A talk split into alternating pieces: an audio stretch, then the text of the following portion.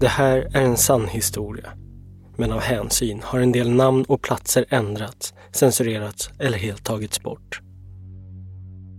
01.24, klockan är 16.10. Så har en förhörsledare Monica Olhög plats, polisstationen i Kristianstad. Emily är försvunnen sedan 12 dagar när polisen hämtar in den 35-åriga djurskötaren och nattvandraren till ett rutinförhör. 76, 77 våldtog på tjejer för gånger. Våldtog det ett par tjejer ett par gånger som jag sa det? Mm. Inte båda ett par gånger utan det var två olika tillfällen. Ja. Ja. Några veckor senare finner man den saknade Emelies döda kropp. Inlindad i ett vitt överkast. Hon var strypt döds. Du vet mycket väl vad jag vet och jag vet vad du tänker på den, biten. Mm. Det behöver du inte klara ut längre, va? eller hur? Jag vet vad du tänker. Du sitter här för ett mord. Polisen hämtar in nattvandraren till nya förhör och till slut erkänner han att han har mördat Emily. Nej, jag tänker på det, du sa Monica. Jag erkänner att jag hade... Du erkänner att vara... Ja. Berätta hur det gick till. Du lyssnar på podcasten Motiv och på den tredje delen om Nattvandraren. En serie i fem delar av Alexander Mork. Med mig, Nils Bergman.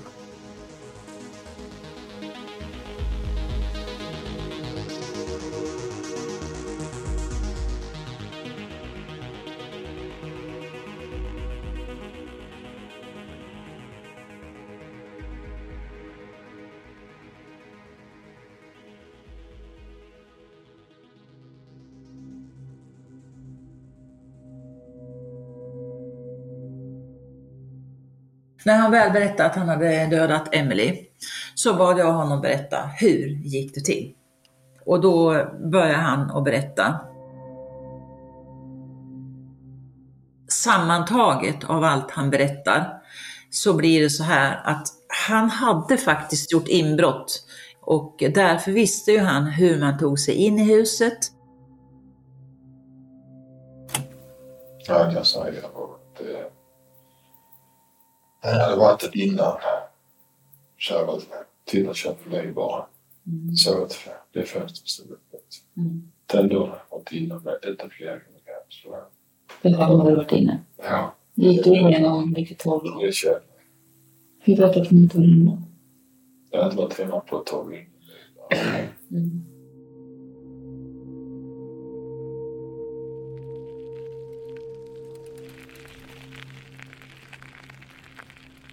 Den underliga cykelturen som vi fick höra mycket om i första delen får nu sin förklaring.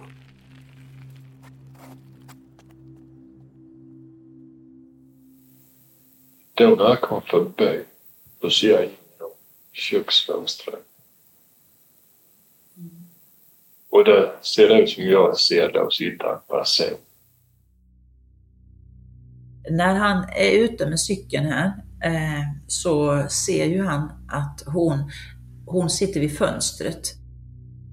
Han ser ryggen på henne. Det ser ut som hon pratar i telefon. Och det vet vi ju nu att det var med pojkvännen. Han går fram en bit till. På onsdagskvällen den 18 december 1996, någonstans strax före klockan 10 när han är ute och cyklar, så möter nattvandraren grannen Niklas som är ute med sin bil. Och sen vänder ju han och går tillbaka och det är då han bestämmer sig för att han ska gå in eh, och göra någonting.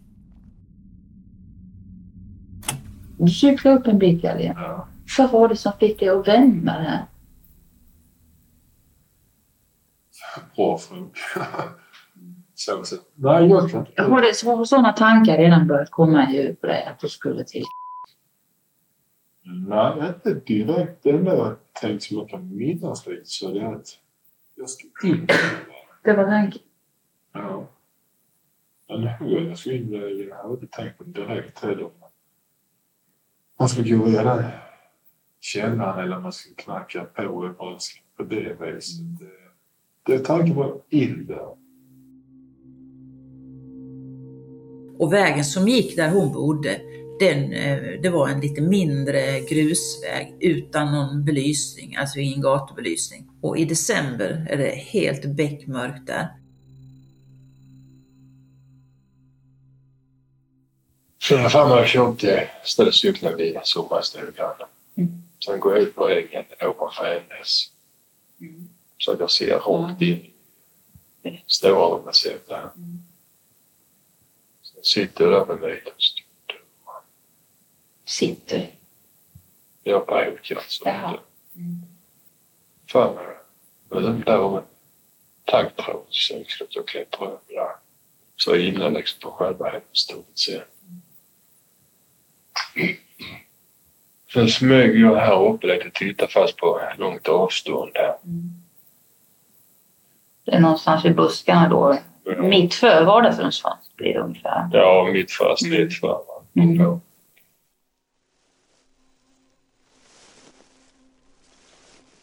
Emily hade ju katt och när hon åkte iväg så lämnade hon, det här var ju ett äldre litet hus, ett trähus med en källare. Det var en sån där gammeldags källare, ingen inredd. Och det ena källarfönstret på baksidan, det lämnade hon öppet. Och du vet ett källarfönster hänger ju så här rakt ner när det är stängt. Men när det är öppet så åker det upp en bit så att det blev en liten springa där nere. Och det var för att katterna skulle kunna gå in.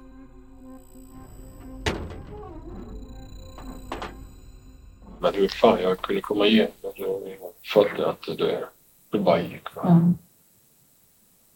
Men du tog in Hur kröp du in den? Ja, som jag kommer ihåg la jag mig en ena ben så fan vad lyfte upp fönstret. Mm. Så på något jävla vis tryckte mig igenom där. Vad kom du in i för utrymme då? Jag har en källare. Det var lite svårt att hitta trappan verkar på. Hade du inte ficklampa? Ja, men i och med att man ville inte lysa för. Mm. Han eh, tar sig upp för trappan. Som jag kommer ihåg så öppnade dörren och sig och sakta. Så kommer han ut i en hall och på andra sidan den här lilla hallen så ser man rakt in i hennes sovrum. Hon ligger alltså på rygg i sängen, säger han. Hon ligger och läser. Sen pausade jag in bara. Hoppade på henne i säng.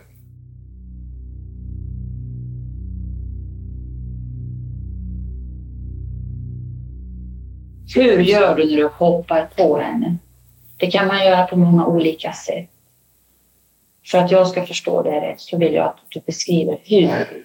Fan, jag satte mig över hennes ben. Satte mig på magen. Du satte dig på hennes mage. Jag kom hem.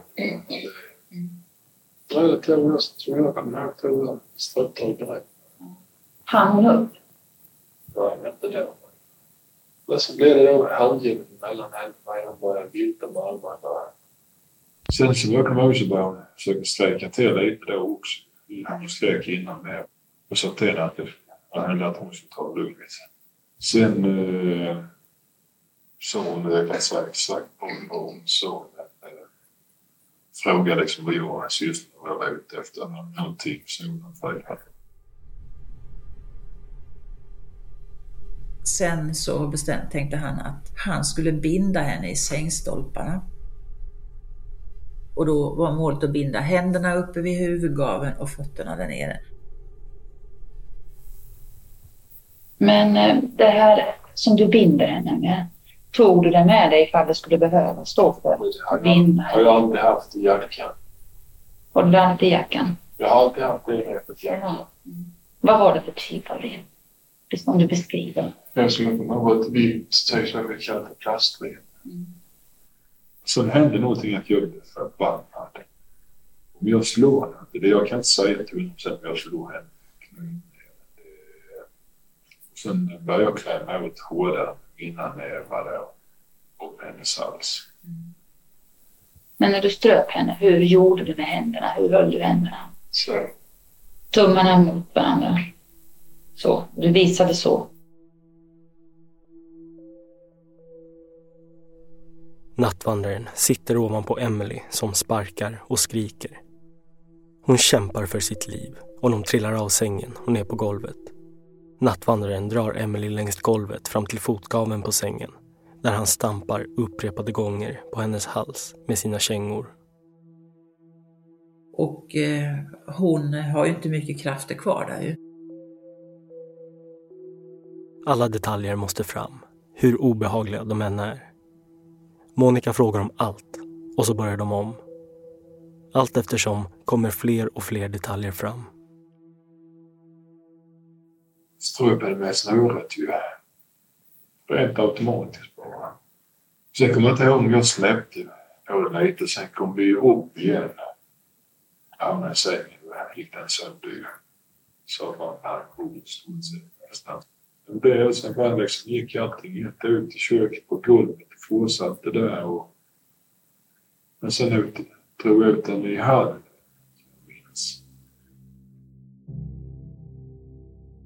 Så drar han henne i repet. Han drar henne ut till hallen. Och då är hon i princip livlös. Hon är ju nästintill död då där. Då satt jag en råstol. Drog med snö. Ja. Ja, både precis det Mm. Det känd- kändes jävla naturligt ju att göra det. Mm. Alltså, på strypan.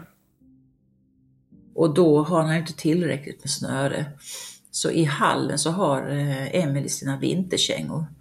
Och då tar han snöret ur den ena vinterkängan och använder det också när han binder henne. Han binder händerna bakom ryggen och böjer knäna så fötterna kommer bakom ryggen. Och så binder han ihop händer och fötter bakom ryggen. Nattvandraren lämnar Emily i hallen, tar hennes nycklar, går ut genom ytterdörren och låser den. Nej, sen gick jag och hämtade bilen. Precis som vanligt nästan. Det var ut den. Med det här vita täcket, vad man ska kalla för filten. Mm. Lindade om henne. Ja. Mm. Nej, det var precis som... Ja, som ingenting alls. va. Det var bara... Nattvandraren visar inga större tecken på ånger eller skuld över att ha tagit en människas liv. Allt hon var och allt hon skulle bli. Han vet inte ens varför. Allt gick på automatik. Jag frågar honom, vad känner du då? Vad känner du när du lägger henne i bilen? Och på skrivbordet i det rummet vi sitter då, det var inte mitt förhörsrum utan det var ganska kallt där inne på det rummet vi satt just då. Så ligger det ett kollegieblock. Då tar han det kollegieblocket i näven och så släpper han ner det på skrivbordet. Ungefär så mycket kände jag, sa han. Så det betyder alltså ingenting när han la in henne i bilen. Så han, han känner ingen skuld där.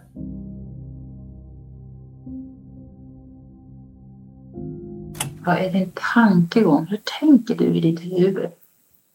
Ja, det är något... Sagt ut oro på Något måste hända. Va? Men någonting som driver dig eller någonting som får Ja, det är någonting alltså, typ oro. Mm. Rastlös. Mm. Alltså någonting att jag inte kan gå stilla. Va? Så det är någonting man kommer ihåg. Sen är det något, kanske något annat som kommer fram. då. Jag vet inte. Vad är det som har drivit mig till detta? den här kvällen. Hade du inte träffat eller sett henne på kvällen innan? Nej, Hade du inte? det har jag icke gjort.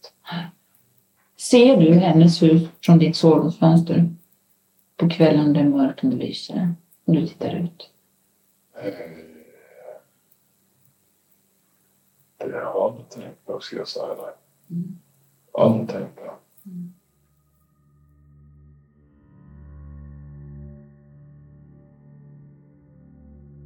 Med facit i hand visar det sig att man hade rätt om inbrotten och att det var så nattvandraren kom över Emelies underkläder. Han stal även en ficklampa och falukorv. Berätta hur du tog dig in. Det var falukorv. Mm. Ficklampa, den lilla som jag ett eller två paket tuggummi, såna här typ vanliga utlagda solvitsar. Typ Josef. Alltså sådana... Paket. Ja, sådana När det är fem eller sex Mm, stycken. mm, Och de här underkläderna. mm. Eller underkläder plus badkläder. Det är det enda jag kan ta med som jag har tagit där.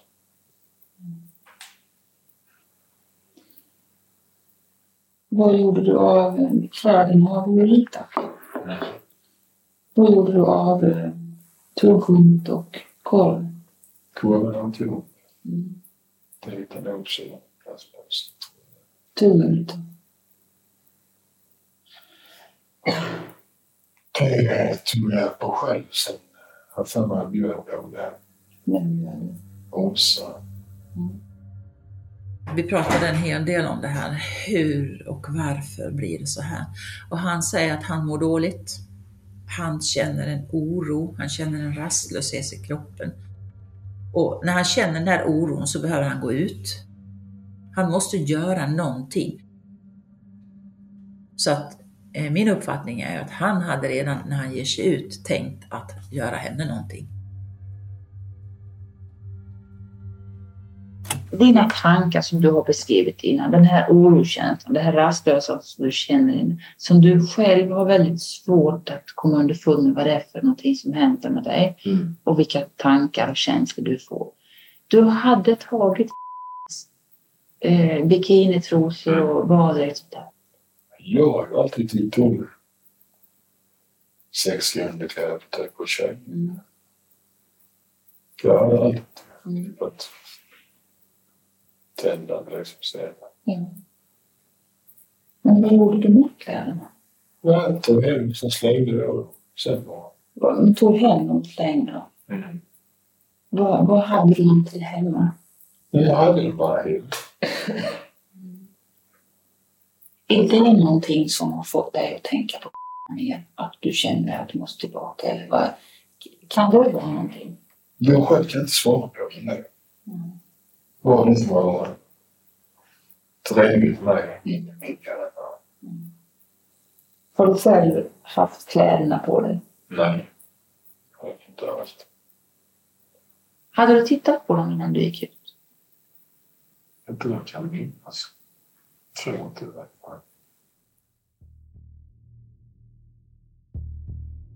Vem är det egentligen som sitter mitt emot Monica på andra sidan bordet, som aldrig tidigare blivit misstänkt för några våldsbrott? Vars brottsregister i vuxen ålder är helt tomt. Efter, efter att han hade mördat Emily så känner han sig lugn, säger han. Då har oron lagt sig. Så det är det han vill bota. Nu, nu har du öppnat den här soptunnan med det här som du har inom dig. Ta upp allt på en gång. Det är ganska skönt att sitta och berätta det det. Det är jobbigt. Ja, förstår du? Så, ja. Och jag tror att när du har berättat allt om andra också så tror jag att du kommer känna dig skönare att du har tömt ut. Ja. Kommer jag sagt ta det bit för. Mm. Orka. Jag vill bara ha dig, inga andra. Mm. Jag drar bort. Nej. Det jag vill ha. Så det känns det att man kan sitta och prata. Är det så du sitter uppe i, i cellen nu och känner att du måste prata, då får du säga till personalen där uppe. För du kan ringa när som helst om det är någonting du vill prata om. Ja, det sa han. Ja, precis när som helst. I en sån här situation kan det vara fördelaktigt att avsluta ett förhör med en positiv ton så att den misstänkte vill komma tillbaka och tala med förhörsledaren igen. Nattvandraren säger att han tycker att det känns skönt att kunna sitta och prata om det som han aldrig tidigare pratat med någon om. Har du mer du vill berätta nu ikväll? Nej, det är väl bara...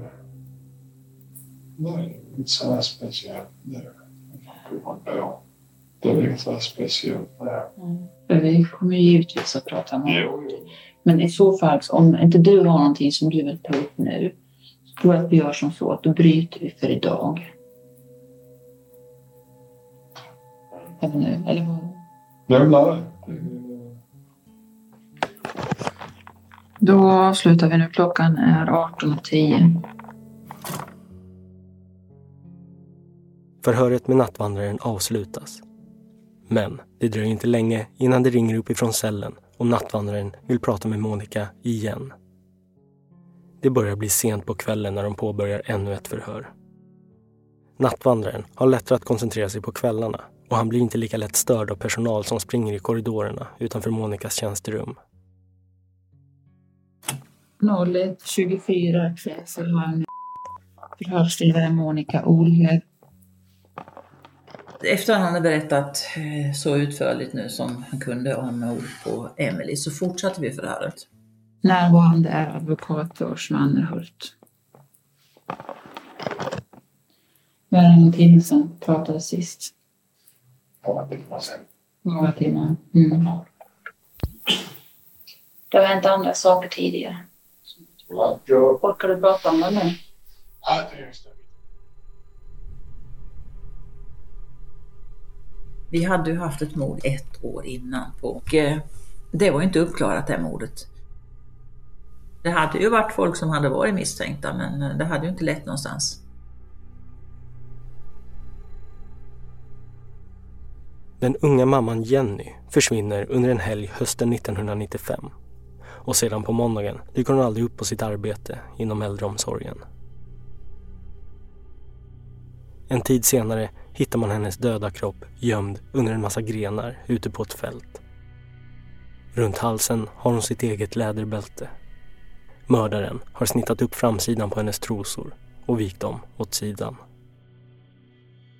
Vi hade i det läget ingenting som eh, vi kunde binda nattvandraren med på det mordet. Och till saken hör att jag hade inte nämnt Jennys namn överhuvudtaget för honom. Så att han visste inte att det var det jag fiskade efter. Jag har funderat, jag har sagt, jag har sagt rakt ut till Lars här. Jag tror det var den med. Du vill höra med. Berätta om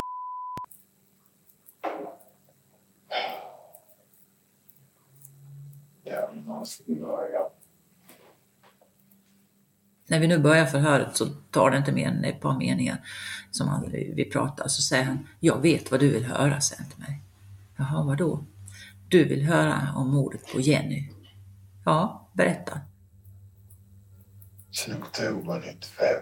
Kommer du ihåg vilket datum det var? Datum kan jag inte komma ihåg, men jag för mig var första helgen i oktober var fredag till lördag. Vi hade ett hus på lördag på, så att du vet. Mm. Till lördag. På vilken dag sa du? Lördag. På lördag. Sa du att det skulle ha varit innan där menar du? Ja, men på fredag. Nattvandraren är något osäker på när det här mordet skedde. Men han minns att han var arbetslös just då och att han hade besökt ett öppet hus som Arbetsförmedlingen anordnade. Och det var dagen efter mordet. En lördag i början av oktober 1995. Jag har varit hemma. För mig hade sett mig vara på pizzerian tog jag också. Men sen bestämde jag mig för att cykla in till stan. Och varför vet jag inte, men eh, varför jag sänkt min tjej? Ja, det är Monica.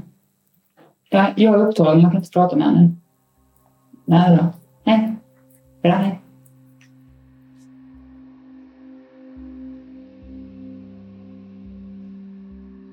Monica måste återigen samla bevis för att få fram detaljer om mordet på Jenny.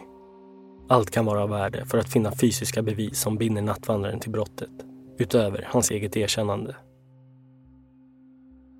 När han eh, överfaller Jenny, eh, som då är på väg hem från en krog, så berättar han att han hade cyklat lite fram och tillbaka där för att hitta ett lämpligt offer.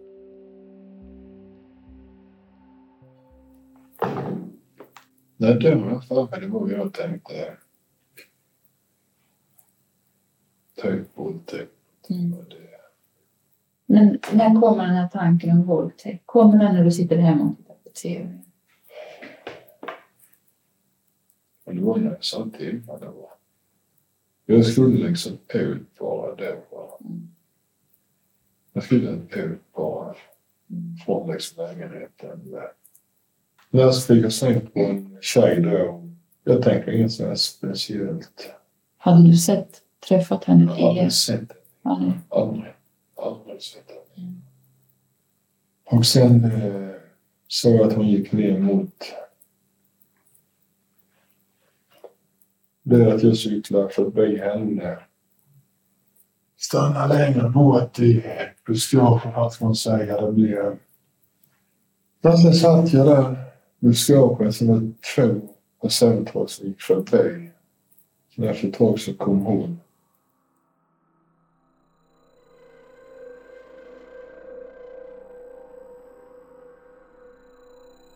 Hon går in i ett eh, område, det är egentligen ett industriområde. När, när han ser att hon går in där, då cyklar han förbi henne. Hoppar in i ett buskage eh, till vänster om cykelbanan, gömmer cykeln och sig själv. När eh, Jenny då kommer gåendes så bestämmer han sig för att hoppa ut, följa efter henne och fånga henne. Kom du ifatt henne då? Det gick väl sakta eller snabbt. Sakta eller snabbt? Nu missförstod vi jag dig. Nej, sakta men snabbt Ja. gick jag. De är snabba steg. Ja. Sen tar jag småsprang sen på slutet. För att komma ikapp henne. Ja. Stannar Som jag hon kommer ihåg så stannar hon upp och tittar. Mm. Och säger som vem är det som kul eller? Sa hon någonting? Inte som jag kan minnas. Sa du någonting? Jag har för mig så då när jag slängde om armen och sa att hon skulle följa med. Mm, Men det var då när du kom ikapp henne. Ja. Men innan du kom ikapp henne, när hon vänder sig om och liksom stannar till och tittar, vad händer sen? Precis ögonblicket efter, hinner hon börja springa eller gå eller? Nej, hon stod stilla. Jag kommer ihåg. Hon stod stilla.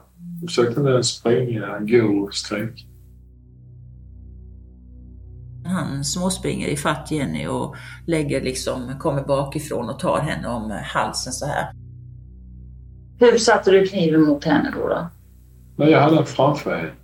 Så att hon såg den, så Ja, att du hotade henne Liksom tog på henne i det där. någonstans vid magen, Ja. bröstet. Ja.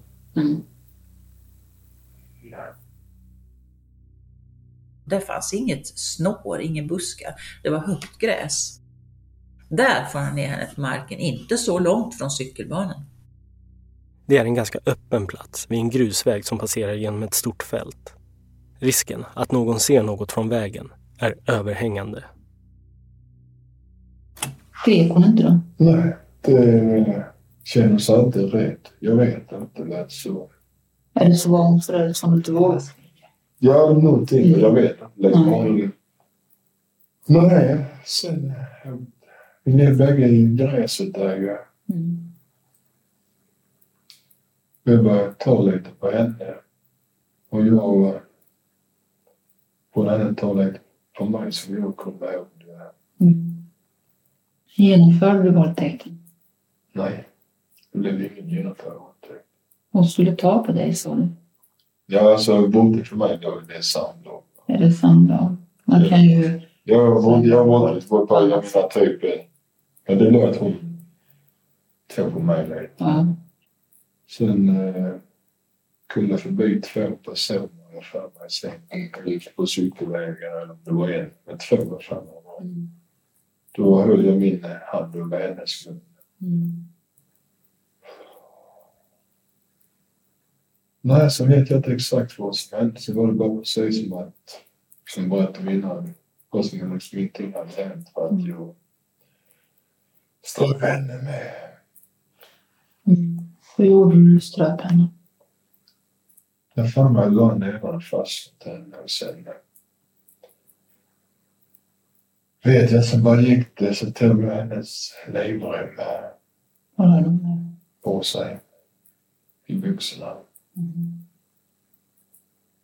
Det var det. Hur gjorde du då? Alltså jag kommer ihåg det. Tog jag livremmen bara liksom la den runt om bara.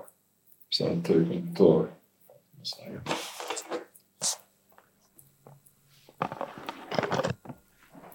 Inne på Monikas tjänsterum tar nattvandraren upp sladden till bandspelaren och lindar den runt sitt finger för att visa exakt hur det gick till när han ströp Jenny. Lägga, typ sova. Så bra liksom. Vad drar till? Ja. Det, var, det gick bara precis som, ja, vad ska man säga, det gick så jävla automatiskt. Va? Mm. Nästan det, så kände jag Mm. det. Hur såg skärpet beskriv? Ja, tunt, skärp. Det känns som det var brunt eller svart. Jag tror det var svart. Ungefär den bredden. Den du vad visar du nu? Ungefär fyra?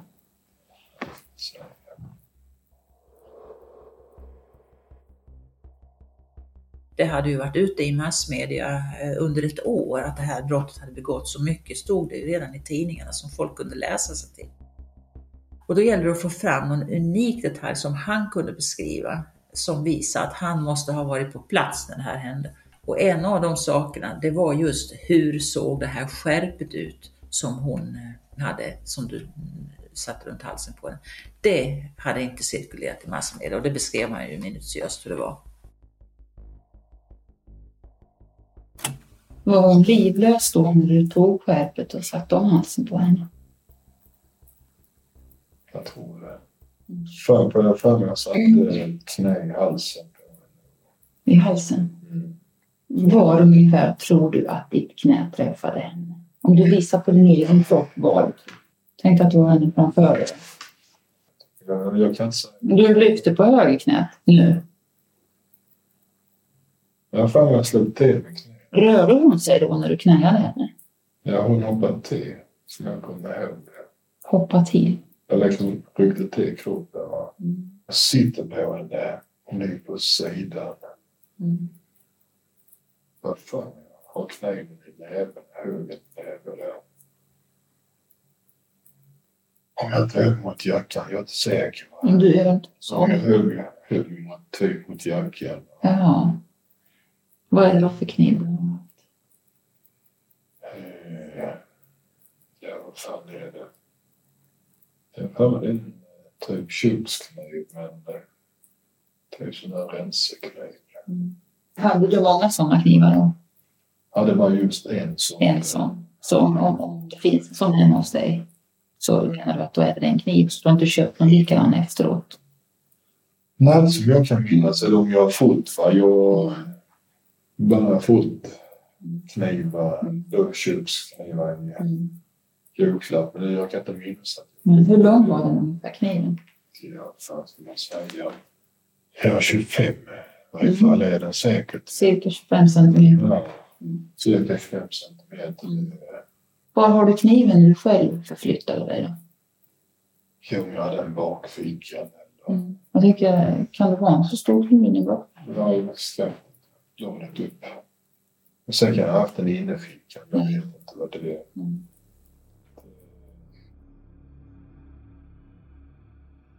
Nattvandraren beskriver hur han knäar Jenny på halsen och sätter sig på henne. Han hugger mot hennes jacka med en 25 cm lång kökskniv som han har haft i bakfickan eller i fickan på jackan.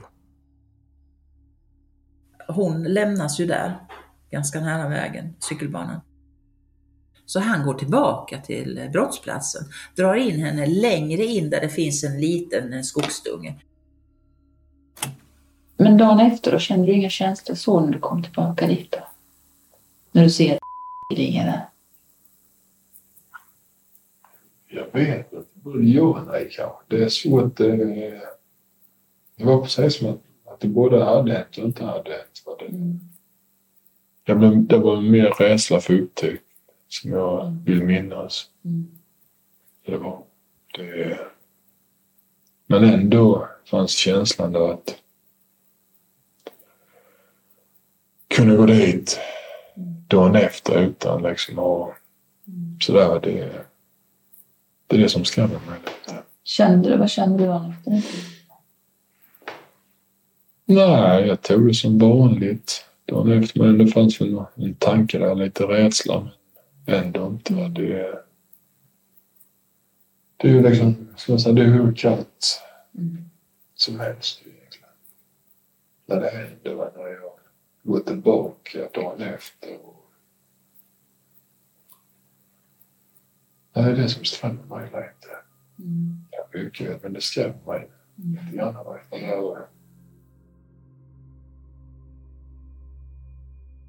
Jag tror han skär av henne byx, alltså trosorna liksom snett över från grenen upp till linningen och öppnar och så, för att det ska se ut som något typ våldsbrott eller något. Eh, och sen så skär han då grenar från ett träd som finns i närheten och täcker över henne. Och sen nattvandrar han där vid polisens avspärrning. Du var ju nattvandrare. Nej, jag har precis börjat. Hade du börjat då när detta hände? Eller började du? Jag hade anmält mig Ja. tre, fyra veckor innan. Va? Ja. Sen vet jag inte vad som hände då, men eh, ja, sen hände ju detta då. Va? Mm, Men hade du börjat gå då, när detta hände? Hade du gått någon gång då? Nej, vad fan, nej, jag gick ju veckan efter. Tänkte det kanske var så att du var ute och nattvandrade eller gick den här kvällen? Nej, Så det var därför du- helgen efter Ja. som jag kom över så... Och då går ju han där för att se till så ingen går innanför polisens avspärrningar. Men ni var och tittade på platsen, det var ju avspärrat. Var ni och tittade? Du, du kände du ingenting? Nej. Jag kände inte... för Det är väl liksom... Det är precis som att det finns inga känslor nästan i där. Jag tänkte... Han begår ju grova brott. Han handlar om mord, våld och mord. Trots att det finns folk alltså väldigt nära honom. Det är precis som att han skräms inte av det. Han har kommit in i det här eh, att han ska göra någonting och sen fullföljer han det. Det är precis som att han inte förstår eller är rädd för att folk kan upptäcka honom. Sen så är det just det här med att de får inte minnas honom efteråt och då finns det ju bara ett alternativ och det är ju att ta livet av honom. Att det är att man eh, berövar två människor. Det är, det är fruktansvärt. Ja. Det är bara inser man. Men vad var det som fick dig att ta livet av henne?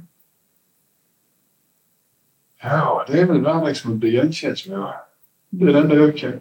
Som jag kommer ihåg som jag kände det. Va? Jag får inte känna igen mig. Jag skulle kunna begå mig. Va? Det... Det är den enda förklaring jag kan ge. Ja. Som jag kan komma på. Så, så som jag känt det. Det är att bli igenkänd utbildning. Det var det liksom rätt som jag kommer ihåg. Mm. Att liksom, det fanns inget annat i huvudet som jag tänkte på. Liksom. Det fanns ingen tanke på liksom att mörda henne. Mm. Inte en tanke. Det var bara liksom, men sen när det väl allting det där skedde då det var precis som att det gick automatiskt. Men tank, du hade ingen tanke på att mörda henne? Nej, Men tanken var ändå att på något sätt att ta livet av henne så hon inte skulle kunna berätta vad du hade gjort eller vad ja. Det är liksom... I samband med mordet på Jenny stal nattvandraren en plåtask med Fisherman's Friend ur hennes handväska tillsammans med en hårborste. De här sakerna har han av någon anledning sparat i över ett år. Plåtasken återfanns vid husrannsakan av hans tjänstebostad så han har till och med tagit med sig föremålen i flytten från sin gamla bostad. Tog du någonting med dig från henne där? Ja, en eh, plåtask. Fischerman. Mm. Någonting mer? Sammantaget samlar man under förhören övertygande bevis för att nattvandraren är skyldig till mordet på Jenny. Det var ju så att han erkände ju det här, men sen så körde man ju, efter det så körde man ju hans DNA mot eh, en spermafläck som fanns på hennes, jag tror det var jackan, eh, något av plaggen. Och den matchade.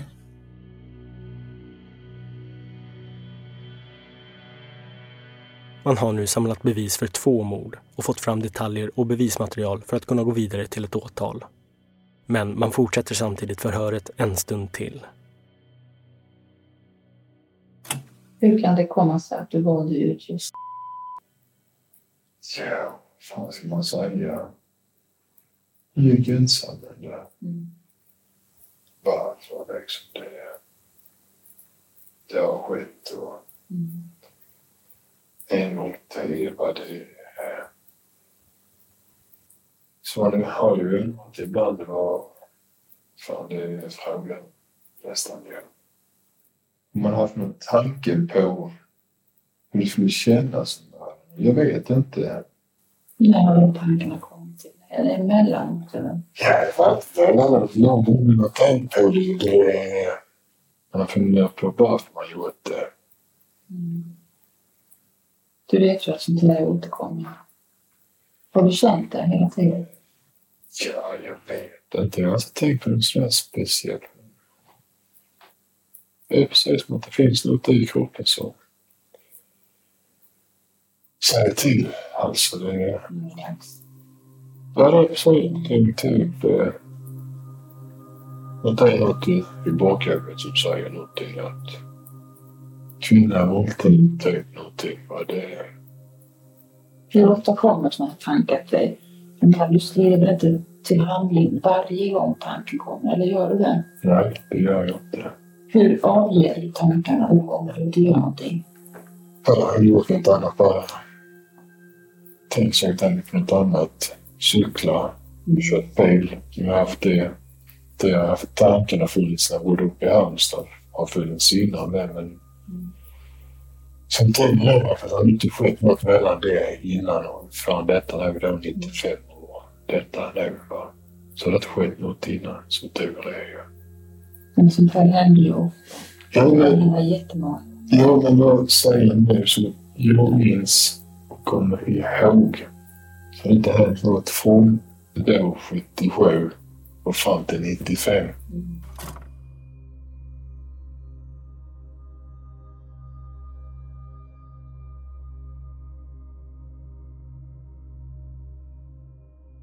Under de här dagarna, i månadsskiftet januari-februari 1997, börjar känslan av att man kan ha funnit en aldrig tidigare upptäckt seriemördare att växa sig allt starkare. Det finns något kusligt över morden och de kopplas snart ihop med flera andra kvinnoöverfall som har skett i området de senaste åren. Redan i samband med mordet på Jenny år 1995 fanns det inom utredningen teorier om en seriemördare någon som var iskall, någon som bodde i närheten, någon som samlade troféer. Från de mord nattvandraren nu har erkänt har han samlat föremål från offren som liknar troféer. Tuggummi, en tablettask, en hårborste, underkläder. Det var ju så att eh, jag höll ju förhören och eh, några andra av mina kollegor de jobbade för fullt med att skaffa in eh, ärenden och information om eh, våldsbrott som hade begåtts i södra delen av Sverige. Vi letade i Västsverige också, i Göteborg till exempel hade vi saker som vi tänkte att han kunde vara eh, gärningsman på. Nattvandraren är själv osäker på om han kan ha begått fler brott, men uppger också att han inte vågar utesluta det. Om han har det behöver han hjälp att få fram de minnena, tror han. I nästa del letar sig Monica längre in i nattvandrarens minne. Om, om vi säger så här, vad ska vi säga, din bana som Mm. började för många år sedan. Det är vi fullt på det klara med, både du och jag. Ja. Och många av de här sakerna idag, de är preskriberade. De, det händer ingenting med En del är inte anmälda till exempel. Och vänta, vänta nu. Även om de är anmälda och sådana saker. Inte på något sätt skulle det vara en nackdel för dig att plocka fram alla sådana här saker som du har. Du har lyssnat på podcasten Motiv och på den tredje av fem delar i serien om Nattvandraren. En samproduktion mellan Talltale och A Rabbit Hole. Serien är producerad av Alexander Mork. Klippning Robin Johansson. Exekutiv producent John Mork och Nils Bergman. Ansvarig utgivare Jonas Häger. Tack för att ni lyssnar.